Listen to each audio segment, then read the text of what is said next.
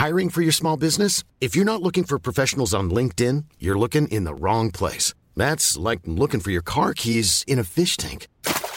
LinkedIn helps you hire professionals you can't find anywhere else, even those who aren't actively searching for a new job but might be open to the perfect role. In a given month, over 70% of LinkedIn users don't even visit other leading job sites. So start looking in the right place. With LinkedIn, you can hire professionals like a professional. Post your free job on linkedin.com slash people today. Hey, it's Ryan Reynolds, and I'm here with Keith, co-star of my upcoming film, If, only in theaters May 17th. Do you want to tell people the big news?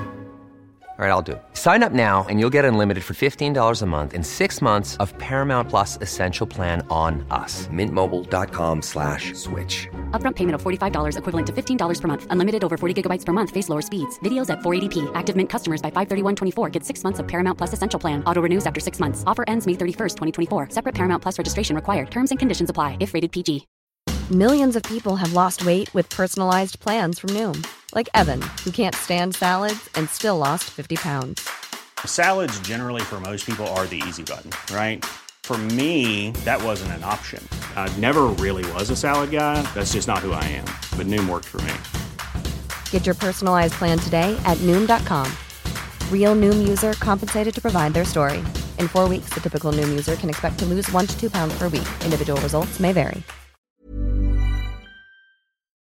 A-kursen sponsras av Destination Uppsala. Klara, vad har du på Vikingar? Jag läste Röda Orm när jag var gravid och då fick jag ändå känslan av att de var hyvens.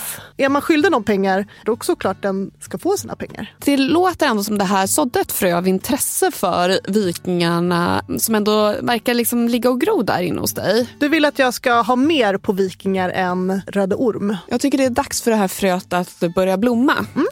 Och för att göra det så tycker jag att du ska ta dig till Gamla Uppsala högar. Det är de här kungshögarna där man har hittat gravar från cirka år 500.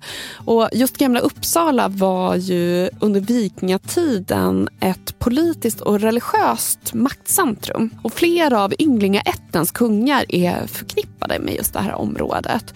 Och i anslutning till de här kungshögarna så ligger ju också Gamla Uppsala museum. Och i deras basutställning så hittar man flera unika originalfynd från de här kungshögarna. Ja, men perfekt helg att så här, på fredagskvällen kolla på några avsnitt av Vikings på Netflix typ och sen åka till Uppsala och liksom känna historien under fotstegen. Sen så kanske du blir liksom fikasugen, barnen kanske vill ha glass. Verkligen. Då tänker jag att ni går till Odinsborg som ligger precis där vid Kungshögarna och tar en fika. Är fikan ett arv från vikingatiden? Ja. Och vill du få ännu mer inspiration, gå in på destinationuppsala.se. Tusen tack Destination Uppsala för att ni sponsrar A-kursen. Det här är överkursen i hållbar konsumtion. Det vill säga hela Emmas intervju med Katarina Graffman som är doktor i kulturantropologi. Katarina berättar bland annat om varför man kan få kickar av att konsumera och varför materialism inte nödvändigtvis ska ses som något dåligt. Men först, är det vanligt att få dåligt samvete efter att man har shoppat? Det är vanligt, skulle jag säga. Och det är nog vanligare idag än vad det var för tio år sedan. För att också är vi mycket, mycket mer medvetna om eh, att vi borde dra ner lite grann. För hela diskussionen om hållbar konsumtion har ju verkligen exploderat här senaste åren skulle jag säga. Från 2018, 2019 någon gång. Innan det, vi har vetat länge att eh, vi behöver förändra våra sätt att konsumera. Men om jag skulle säga så här, det är väldigt tydligt i de studier jag har gjort, så för tio år sedan till exempel, så pratade människor spontant om hållbarhet ur ett perspektiv och det var att de hade så lite utrymme för att sopsortera. Det var liksom det. De kanske hade flyttat in i en ny bostad eller någonting och var irriterade på bostadsbolagen att de har gett så lite utrymme till sopsortering. Det var det som automatiskt kom upp, som man pratade om. Idag kan du sitta på en AV, du kan sitta på en middag med vänner. Man pratar om konsumtion, man pratar om hållbarhet, man pratar om miljöfrågor. Det är liksom ett helt vanligt samtalsämne idag, så det är ju en jätte, jättestor skillnad. Och därför tror jag också att många känner dåligt samvete när man har handlat någonting. För att du vet, du kanske också ingår i vissa sociala grupper där man ska förväntas dra ner på sin konsumtion och man är medveten. Och det har ju funnits grupper, konsumentgrupper där det är, liksom, det är coolt, det är status att vara den här hållbara konsumenten. Och då är det ju självklart att du känner att det här är något som jag vill gömma undan. Och jag brukar också ta exemplet, jag tror att rätt så många kvinnor framförallt skulle jag säga, i alla fall vad jag har stött på, som känner igen det här att man köper någonting och hänger in i garderoben. Så får det hänga där ett halvår, ett år, någonting. Så plockar man fram det och så kanske ens partner eller den man lever med säger Åh, har du en ny klänning? Nej, gud den här, den här köpte jag för ett år sedan. Den tror jag ganska många känner igen och det är också en typ strategi att man liksom, nej men stoppar undan det här lite grann så här, för då blir det inte det här, va har du varit och handlat igen? Men vi har ju massa olika sätt att liksom, eh, förhålla oss till att vi konsumerar för att kanske underlätta vårt dåliga samvete. Att det finns mycket sådana här liksom kognitiva dissonanser som vi hela tiden kämpar med. Ja, absolut. absolut. Så gapet är ju jättestort där. Och det har ju blivit större eftersom vi vet att vi kanske borde anstränga oss lite mer för att vara mer hållbara konsumenter. Vad menas med konsumtion? Ja, konsumtion är ju ett ganska gammalt ord faktiskt. Eh, och jag tycker det är lite spännande. Vi ska kunna ta latinska härledningen. Och redan på 1300-talet hittar man ordet konsumera som betyder förbruka, förgöra. Och sen finns det en annan också som heter konsumare som betyder fullborda. Så ordet i sig har två olika betydelser, vilket är ganska spännande. För konsumtion handlar ju både om att förbruka och skapa. Så vi har ju båda de här betydelserna då i själva begreppet konsumtion. Sen under senare år, kanske 18 1700-1800-tal, även början på 1900-tal, så byttes ju kanske de här två begreppen och man pratade snarare om produktion och konsumtion. Och då finns det också aspekter av manligt kvinnligt i det. Då att männen producerar, kvinnor konsumerar. Så det har liksom hängt med lite grann. Och det är också spännande för just konsumtion är ju någonting som är väldigt laddat. Och det kan ju hänga ihop med att det har varit manligt kvinnligt. För tittar man tillbaka i historien, sånt som har på något sätt betraktats som kvinnligt har ju inte varit lika bra helt enkelt. Så att konsumera har fått en negativ klang medan producera det är någonting som vi ser som mer positivt. Ja, precis. Eh, och just det här då att konsumtion mestadels också i en marxistisk tradition har ju betraktats som någonting, eh, ett begär som har skapats. Eh, så att det hänger ju ihop väldigt mycket laddningar med själva begreppet konsumtion. Hur kan man på ett vetenskapligt sätt undersöka vår konsumtion? Ja, det är ju eh, ändå ganska många som gör det idag men traditionellt så har det inte varit att man har riktat in sig på konsumtion som sådant. Det finns ju många som har studerat samhället, konsumtionssamhället och så, men kanske inte explicit konsumtion. Men då har man också tittat på konsumtion, så man kan se inom cultural studies, etnologi, antropologi, sociologi, nationalekonomi, företagsekonomi finns det ju människor som har studerat konsumtionssamhället mer som en helhet. Men just i och med att det har varit laddat och det har varit inte något som har betraktats som speciellt positivt så är det ganska få som har kallat sig historiskt sett konsumtionsforskare. Men idag finns det många som är konsumtionsforskare för vi inser att samhället är uppbyggt kring konsumtion. Så därför är det ju många, många fler inom ekonomi och inom både humaniora och samhällsvetenskap som studerar konsumtion. Och ni som studerar det här, hur går era undersökningar till? Vad är det ni är intresserade av? Det beror ju så väldigt mycket på vilken disciplin man är ifrån. Så är man samhällsvetare och humanist är man ju mer intresserad av helheten. Hur ser konsumtionsbeteenden ut i en större kontext, i en större kulturell kontext? Hur påverkar det människors liv och hur vi lever och så vidare. Är man en företagsekonom, nationalekonom så kanske man tittar ur ett större perspektiv. Företagsekonomer kan ju väldigt mycket hålla på med typer av eh, prognoser. Hur mycket säljs under vissa perioder och sammanställa mycket data kring vad som säljs och vad som köps och så vidare. Men även inom företagsekonomin så har vi de som håller på med konsumtionskulturteoristudier då, som handlar om att förstå helheten av konsumtionen. Så att um, man kan ju titta på så många olika aspekter när det kommer till konsumtion.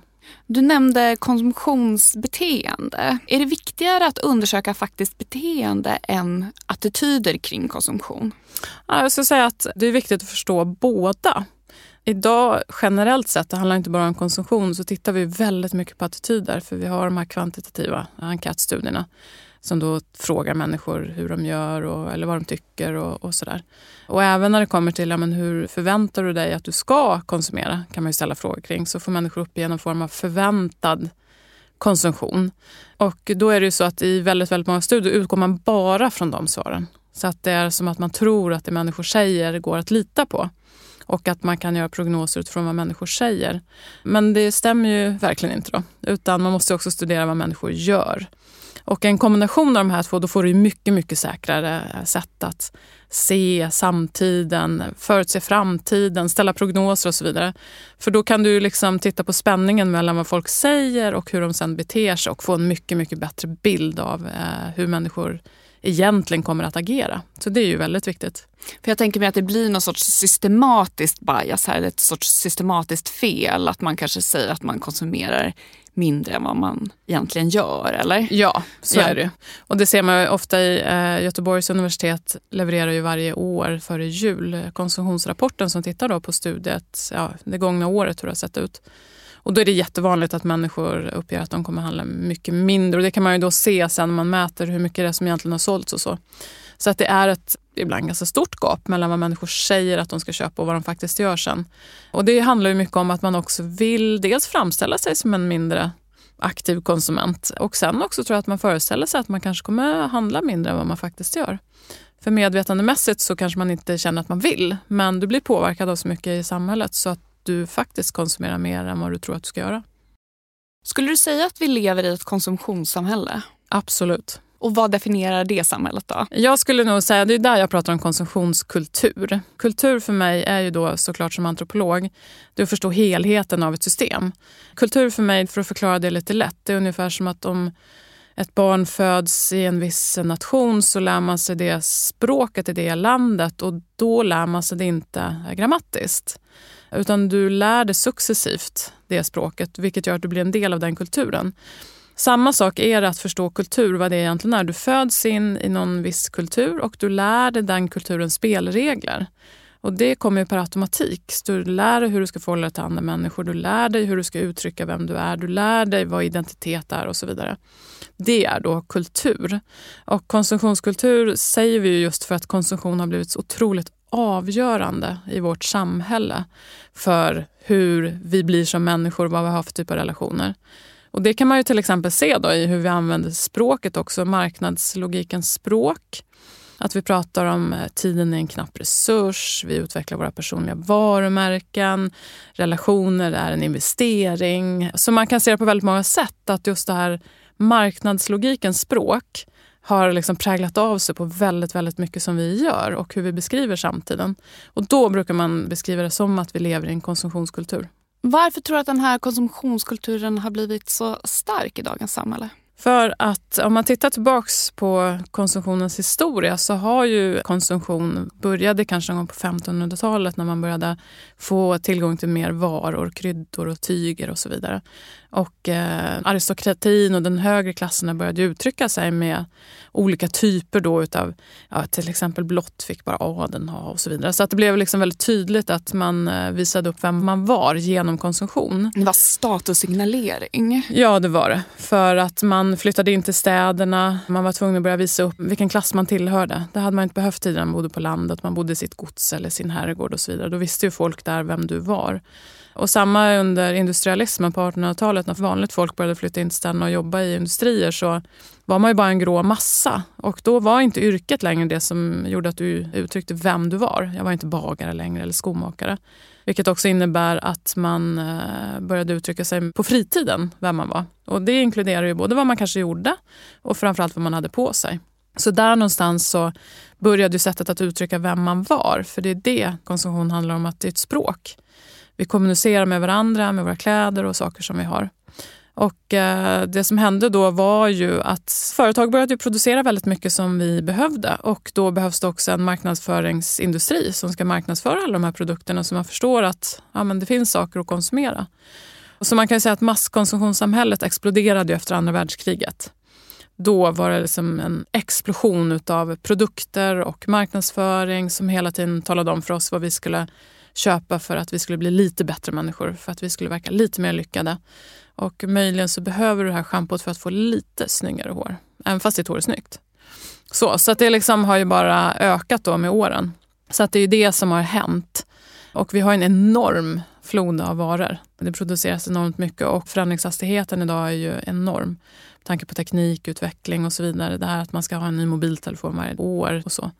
Det är ju egentligen helt sjukt beteende men där har ju verkligen marknaden lyckats få oss att tro att det är så att man måste ha nästa version utav mobiltelefonen. Så de här krafterna hänger ihop och har ju lett oss till dit vi är idag. Finns det ett motsatsförhållande mellan att konsumera så som vi gör idag och att leva på ett sätt som är hållbart för vår planet? Ja, det gör det. Absolut. Men det är också svårt att dra en gräns. För konsumtion innebär ju också att många människor har arbeten om man kan producera. Så det handlar ju väldigt mycket om att vi måste få en annan typ av konsumtion. Snarare än att det är klart att vi måste dra ner. Vi köper enormt mycket som vi troligtvis inte behöver. Så att det handlar ju delvis om att dra ner den här masskonsumtionen men framförallt handlar det om att kanske handla en annan typ av varor och få ett annat system som också underlättar att vi kan vara mer hållbara. Så att jag tror att det är farligt att liksom gå ut med pekpinnen och in och peta i människors konsumtionsmönster. För det är också väldigt laddat, för vi älskar att konsumera. De flesta människor älskar det. Det är en kick, det är liksom en wow-känsla och man har varit deppig, man går ut och köper någonting. Och, alltså, samhället är så uppbyggt kring att vi ska konsumera och må bra av det. Så att det är känsligt att vara inne och peta i människors konsumtionsmönster och de allra, allra flesta vet nog att man skulle behöva dra ner lite grann. Att vi inte behöver köpa så mycket som vi gör. Men så det är helt enkelt inte så himla lätt att leva på ett hållbart sätt i dagens konsumtionskultur? Nej, det är det inte. Och inom humaniora samhällsvetenskap är det alltid en eh, diskussion om agens och struktur. Hur stor handlingsfrihet har individen egentligen? Och hur mycket är vi påverkade av strukturen? Och det är ju jätte, jätteintressant att förhålla sig till. För att om vi tittar på vår del av världen där vi pratar mycket om eh, frihet och att människor har frihet att agera som de vill. Så om man tittar krast på det så är det väldigt mycket frihet på marknaden. Vad man kan handla eller inte handla. Men om man ser ytterligare lite djupare så är det inte alls så heller. För att vi har ju en struktur som erbjuder vissa typ av varor och premierar vissa typer av system och varor. Man kan till exempel titta på cirkulär ekonomi.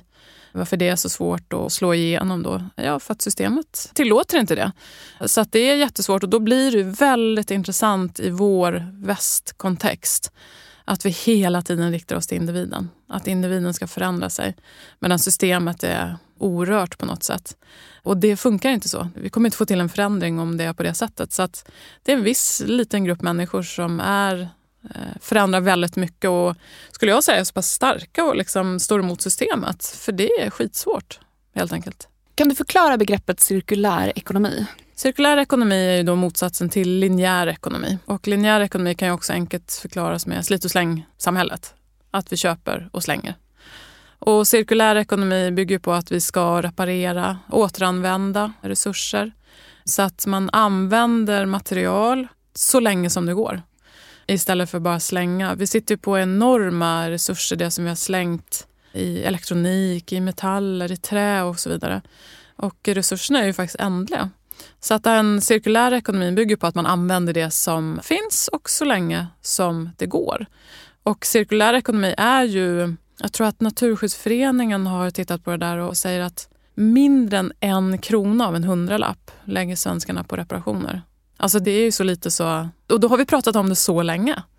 Vi har pratat om kvalitet, köpa kvalitet, vi har pratat om att reparera, laga sina skor, kanske kunna köpa designmöbler som du kan lämna in och de byter bara någon del som har slitits ut. Då är det liksom mindre än en krona. Så att eh, det är ju för att eh, styrmedlen inte uppmuntrar att vi ska gå och laga saker. Och det är alldeles för stor ansträngning för vanliga människor att gå iväg, hitta var man ska reparera en viss sak. Du ska ta det dit, du ska lämna in eller leta efter begagnat. Alltså det ligger väldigt mycket tid och energi för konsumenten att göra de här sakerna. Så det är också lite därför som det är så långsamt för att systemet runt omkring inte stöder den här typen av förändring. Den konsumtion som vi ägnar oss åt idag, sker den utifrån behov eller begär? Jag brukar prata om att vi lever i en begärsekonomi. Och det bygger jättemycket på att vi hela tiden ska känna att vi inte har tillräckligt.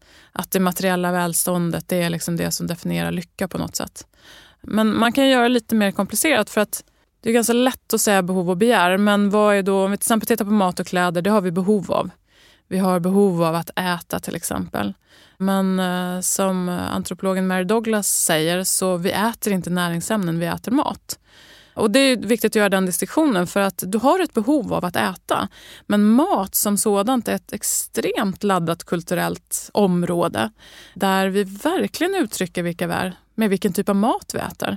Så man kan prata om att man har behov, men de är ju liksom klädda av kulturella begär. Lite grann. Och det är samma med kläder. Vi har ett behov av att klä oss nu när det är vinter och kallt. Vi måste ha varma kläder och så vidare. Men där finns det ju jätte, jättemycket begär inblandat.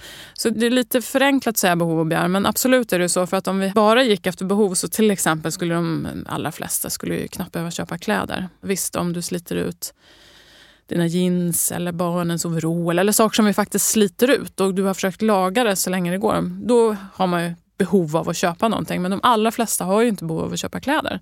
Vi har tillräckligt för att vi ska liksom kunna leva med det tills vi dör.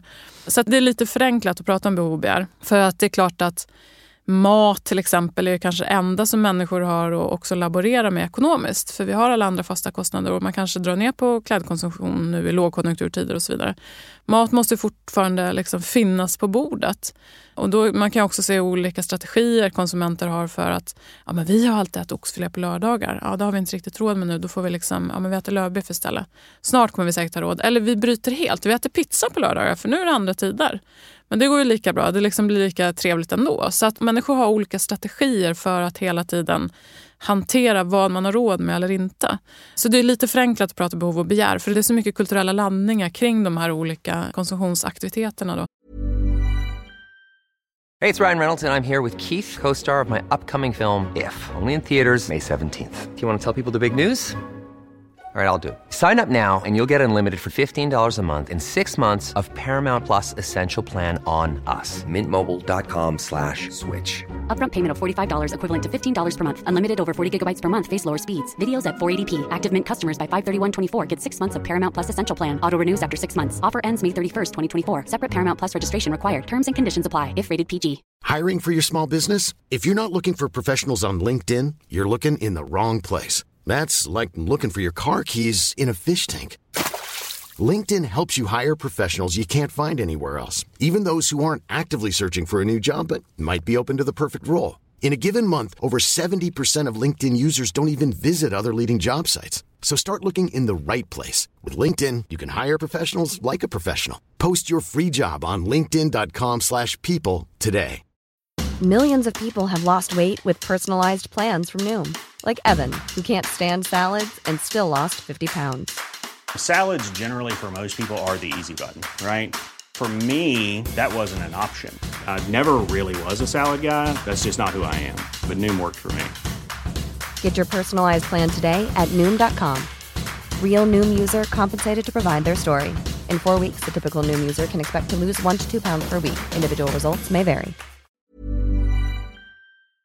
A-kursen sponsras av Akademikernas a-kassa. Klara, jag tycker att det ser ut som du sitter där och är väldigt trygg. Och har inte jag varit trygg ända sedan du lärde känna mig? Jo, men det har du faktiskt nu när du säger det. Jag går liksom genom livet med någon form av grundtrygghet.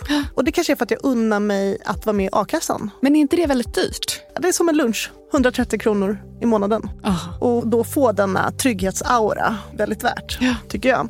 För att även om jag förlorar jobbet så står jag inte utan inkomst. I sånt fall skulle Akademikernas a-kassa betala 80% av min inkomst upp till 33 000 kronor i månaden. Och något som är så himla bra med just Akademikernas a-kassa det är ju att även om man byter jobb så behöver man inte byta a-kassa för att det är ju utbildningen som räknas. Man har ju alltid sina HP-poäng i ryggen. Mm. Och även om man inte har sina HP-poäng i ryggen så får man ändå gå med om man har det som mål. Just det, man är välkommen om man studerar och har som mål att ta minst, vad sa du, HP-poäng? 180 HP-poäng. Ja men det är helt fel. HP räcker ju, för P till HP står ju för poäng.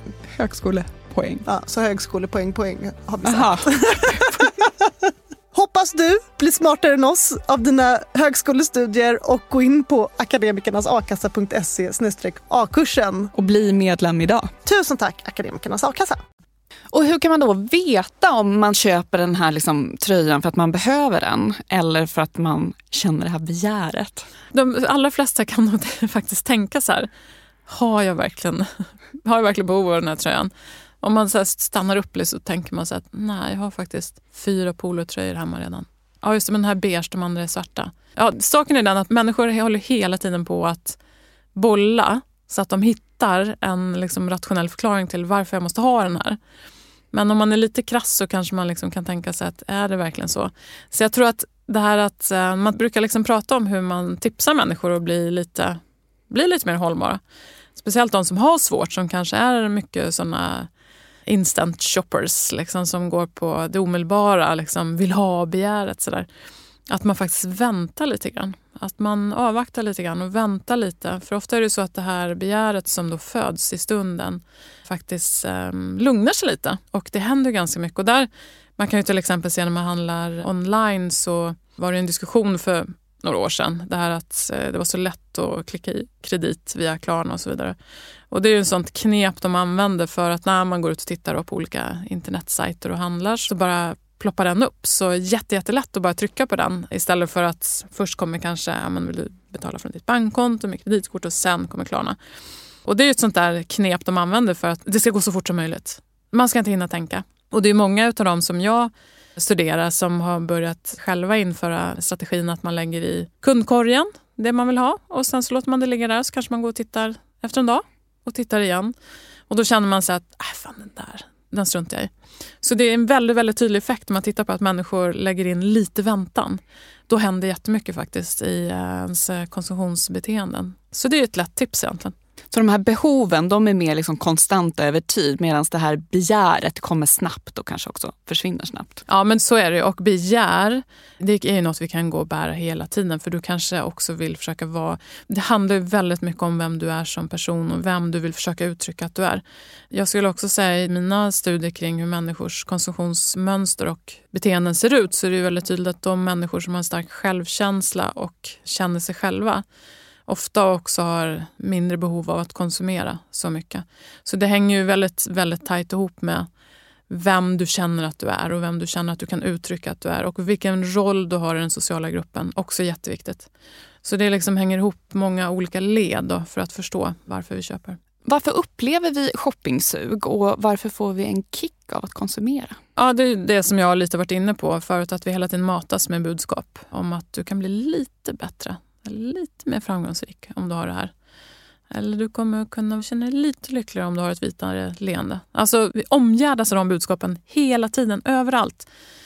Från tv-serier, reklam, tidningar, kompisar, sociala relationer. Det är överallt hela tiden. Så att vi matas med det här. Det är så mycket att vi inte ens är medvetna om det. Man brukar prata om att man, nästan hälften av de budskap vi möts av under en dag. Och för ett antal år sedan så brukade man prata om ungefär 6 000 budskap per dag.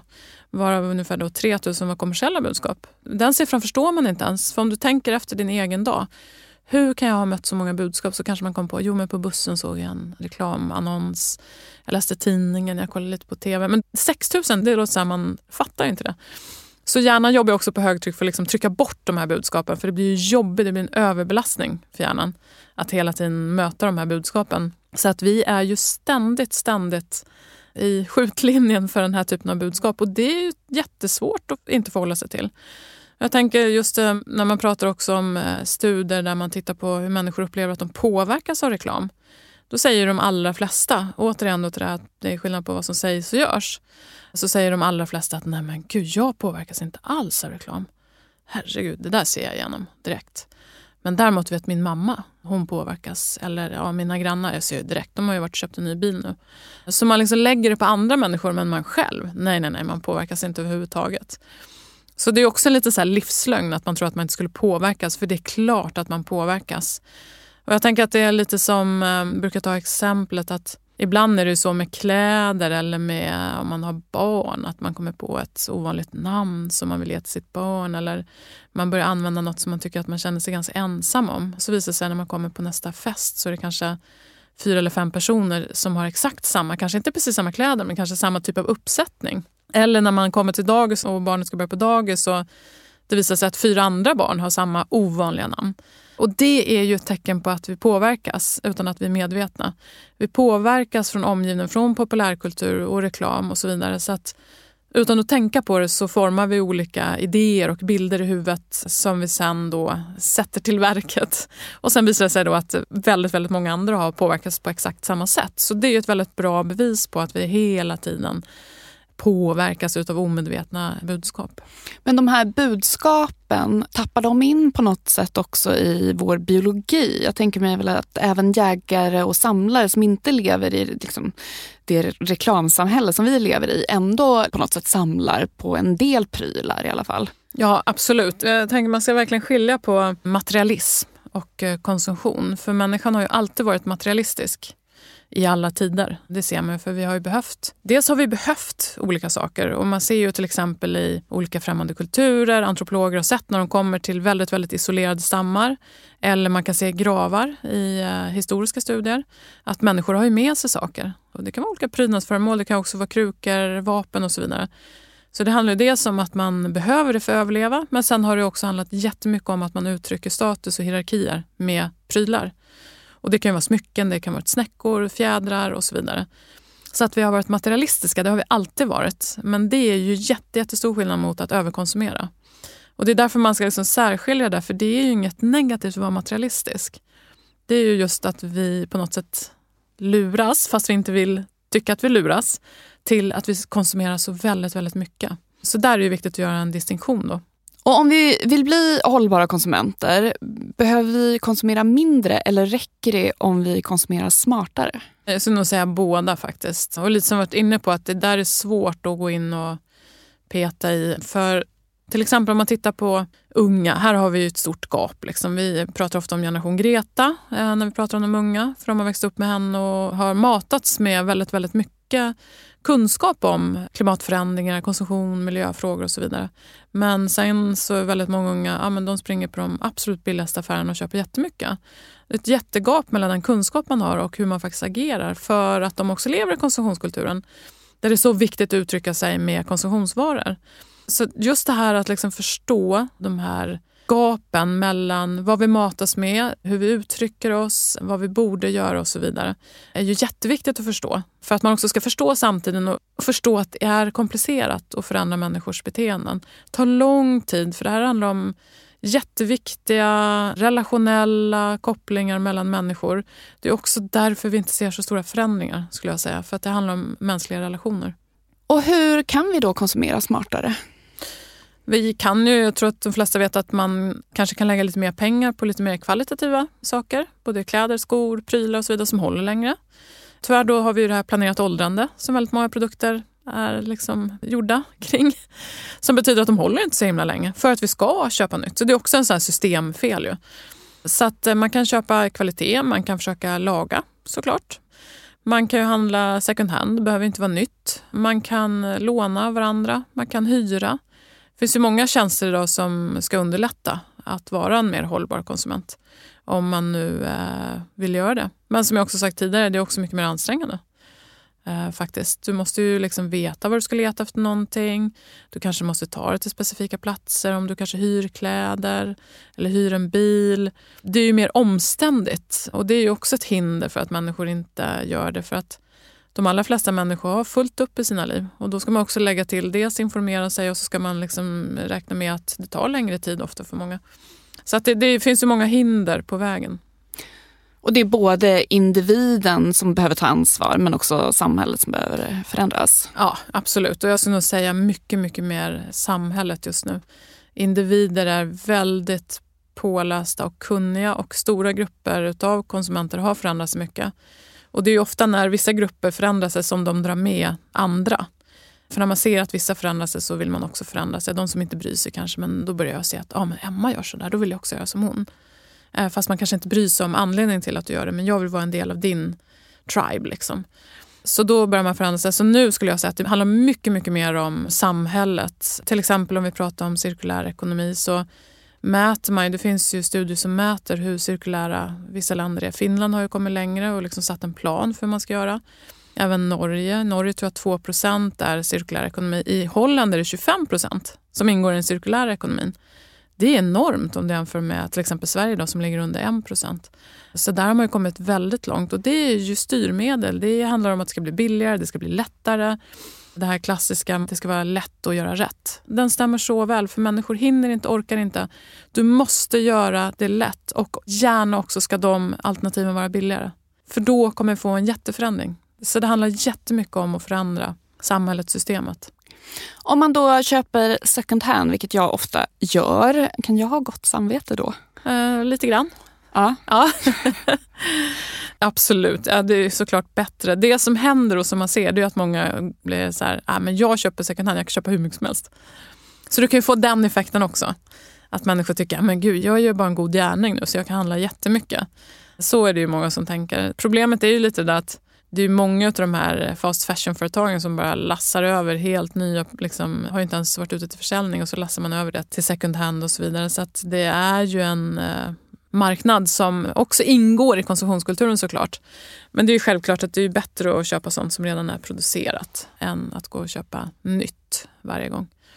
Så ja, Emma, du kan ha lite bättre samvete. Skönt. Har du några praktiska tips för hur man kan konsumera mer hållbart? Jag tänker, jag har hört inne lite grann på det, dels att vänta. Man ser någonting och så väntar man ett dygn eller går hem och funderar lite grann. För då ofta så händer det saker. Nummer två är väl att kanske om man har möjlighet att köpa lite bättre kvalitet. Och det här som många pratar om, om man till exempel pratar kläder kan du ha en eh, basgarderob. Om man nu är intresserad av kläder, att man har en basgarderob och den funkar och man kan kombinera allting. Så kanske man inte behöver köpa så mycket nytt hela tiden utan då kan det vara någon detalj man köper någon gång. Eh, jag brukar tipsa också om det här att testa att ha kläderna på sig några dagar och se vad som händer. Det är ju mer för att utmana konsumtionskulturen. Alltså idéer kring hur vi tror att vi måste bete oss. För att det handlar är det inte... på individnivå eller är det också liksom på något sätt på samhällsnivå, alltså samhällsnormer, att man vill förändra dem? Ja, men det är det absolut. När jag pratar om det så...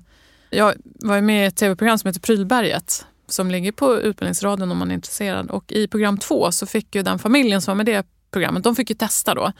Och det var lite roligt för de kommentarerna vi fick in kring det programmet var ju då att ska man inte få tvätta kläderna om det luktar svett? Och det var liksom inte det det handlade om. De flesta av oss är ganska rena och man kan ju vädra kläder. Så det är och man kan byta ett... underkläder hoppas jag. Exakt, ja. så det är liksom inte ett större problem. Så det är klart man inte ska gå runt och lukta svett. Det som det handlade om det är att ofta så tror vi att vi måste byta kläder hela tiden. För det hänger ihop hela med den här identitetsgrejen. Och då när man testar att ha på sig samma kläder var så roligt resultat i programmet. För tjejerna i familjen, mamman och dottern, hade ju absolut svårast. Killarna tyckte det var rätt gött liksom, att bara ha på sig samma kläder. Och det som förvånade både dottern och mamman var att det var typ ingen som hade noterat det. Det var ingen som hade sagt någonting och de hade tänkt så här, gud ska gå fem dagar i samma kläder. Och det roliga var, tyckte jag, just det här exemplet då, att mamman valde något superneutralt. Någon beige tröja och beigea byxor. För hon tänkte att hon är en sån som går så jätteblommigt och färgstarkt. Jag kan inte ta det för jag kommer ju tröttna på det. Och det som hände var att hon kände, varför gjorde jag inte det? Jag kände mig helt lam, jag kände mig inte som mig själv. Jag hade kunnat gått i en blommig klänning en hel vecka. Så att det är jätteintressant att testa det där. Dels testa, märker andra eller sitter det bara i ditt eget huvud? För så är det ofta, man är så himla inne i sitt eget huvud så man tänker inte på att andra kanske inte ens noterar det. Så det är ett bra sätt att testa. Och jag själv har gjort så att till exempel på sommar eller det är mer fester på sommaren då, eller man träffas ute och så, att man kan ha samma klänning på sig flera gånger hela sommaren. Det är aldrig någon som ens har noterat det. Det sitter ju bara i ens eget huvud. Så det är ett bra test, både av sig själv och utav samhället. Duscha mindre? Duscha mindre. Det brukar jag få. Den här, du vet, det är så roligt när man håller på med de här frågorna för då kommer nästan alltid på slutet kommer alltid den där frågan, ja, men du då? Vad är du då som är så himla hållbart? Och då kom jag på ganska snabbt när den här boken Väva vi köper hade kommit ut, för då fick man alltid den frågan. För då var så här, ja, nu är jag här och petar i mina konsumtionsmönster. Och då kom jag på att om jag sa att nej, men jag duschar bara var tredje dag, då liksom dödade jag det samtalsämnet. För då var ingen så här, jaha, det var lite äckligt, jag vill inte prata om det. Så den brukar jag köra. Mm. Ja, det är bra tips. Är det bättre att lägga pengar på upplevelser än på prylar? Om man ändå vill konsumera? Ja, absolut. Det är det. Och där finns det ju forskning som visar att upplevelser är någonting som gör eh, livet mer meningsfullt. Och man känner högre tillfredsställelse av att uppleva saker. Gärna då med familj, vänner tillsammans såklart. Men just känslan av upplevelse ger ett mer långvarigt eh, intryck och stannar kvar i oss. Så att eh, absolut. Och det tär ju sällan då om man nu inte måste flyga eller något sånt där för att göra en upplevelse så tär det ju mindre oftast på klimatet då.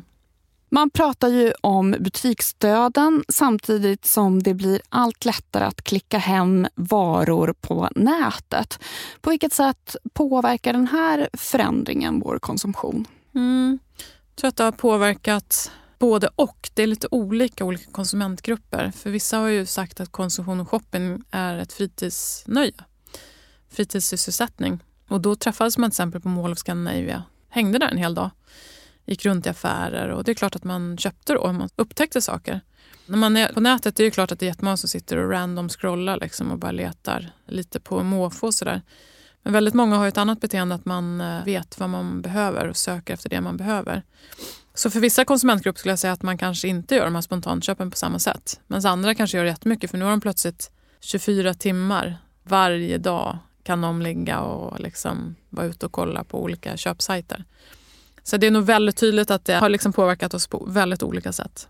Hur tror du att vår konsumtion kommer se ut i framtiden? Jag tror att människor kommer fortsätta att konsumera för konsumtionskulturen är så stark eftersom det är så vi kommunicerar med varandra. Men vi kommer att köpa andra typer av varor, mer hållbara, mer cirkulärt förhoppningsvis. Så om man ändå tittar under så pass lång tid som vi har vetat så har ju inte våra konsumtionsmönster förändrats speciellt mycket. Man kan se nu under lågkonjunkturen att eh, konsumtionen minskar lite men det har ju helt andra eh, saker och det handlar ju inte om att vi borde utan det handlar helt enkelt om att vi har mindre pengar. Så att eh, jag tror att människor kommer fortsätta konsumera. Sen kanske det blir mer upplevelser. Den typen av upplevelseekonomi kommer växa. Men vi kommer fortsätta konsumera. Men tror du att det kommer bli en mer cirkulär ekonomi där man kanske har kvar saker eller man köper mer begagnad eller återanvänder mer? Ja, det tror jag. Det kommer ta tid med tanke på att vi har sån låg andel idag som ingår i en cirkulär ekonomi. Men just det där holländska exemplet är ju rätt häftigt faktiskt. Att man om eh, styrmedlen förändras så kan man ganska snabbt komma upp i en sån hög andel som ingår då i cirkulär ekonomi snarare än den linjära. Så det är helt fullt möjligt, men då måste ju politiker in och liksom eh, reglera på ett annat sätt och se till att det är möjligt. Har du några tips till våra lyssnare som vill leva mer hållbart 2024? Finns det några liksom sådana där bra knep för att komma igång åtminstone? Det beror lite på vad man är också för människa. Vissa kan ju kanske vilja dra ner på sin konsumtion av kläder. Då kan man ju börja med att titta igenom sin garderob. Rensa ut, titta igenom exakt vad man har. Vad har man behov av? Kan man klara sig lite längre? Vad kan kombinera? Det är ett lätt sätt kanske att börja i januari, att man gör en sån utrensning och tittar. Mat kan ju handla jättemycket om att börja planera, veckoplanera för att minska matsvinn. Och där ser man i och för sig nu i lågkonjunktur att matsvinnet har ju minskat mycket. Så fort det kostar så använder vi mycket mer och slänger mindre.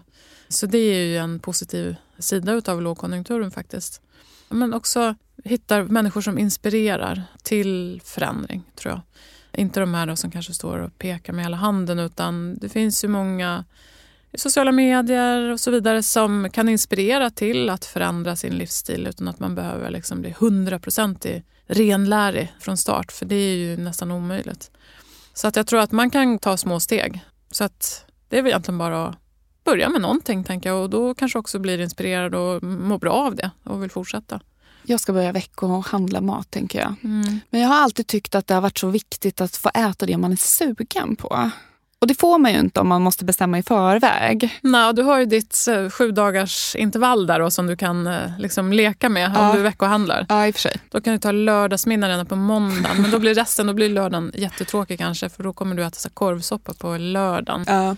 Men samtidigt så känner jag ju också att det är jobbigt ibland att man måste komma på då hela tiden vad jag är sugen på. Det är nästan minst lika jobbigt som att inte få äta det jag är sugen på. Ja, exakt. exakt. Så är det ju. Och jag tänker alla de här matkassarna bygger på att du inte inte ska vara liksom, beroende av att Åh, nu, idag är jag sugen på det här. Exakt. Så att det underlättar, du sparar ju tid till dig själv som mm. du faktiskt kan göra annat. Så det är också en annan aspekt av att veckohandla och det kan ju också vara hållbart, att du faktiskt får mer tid för att göra andra saker.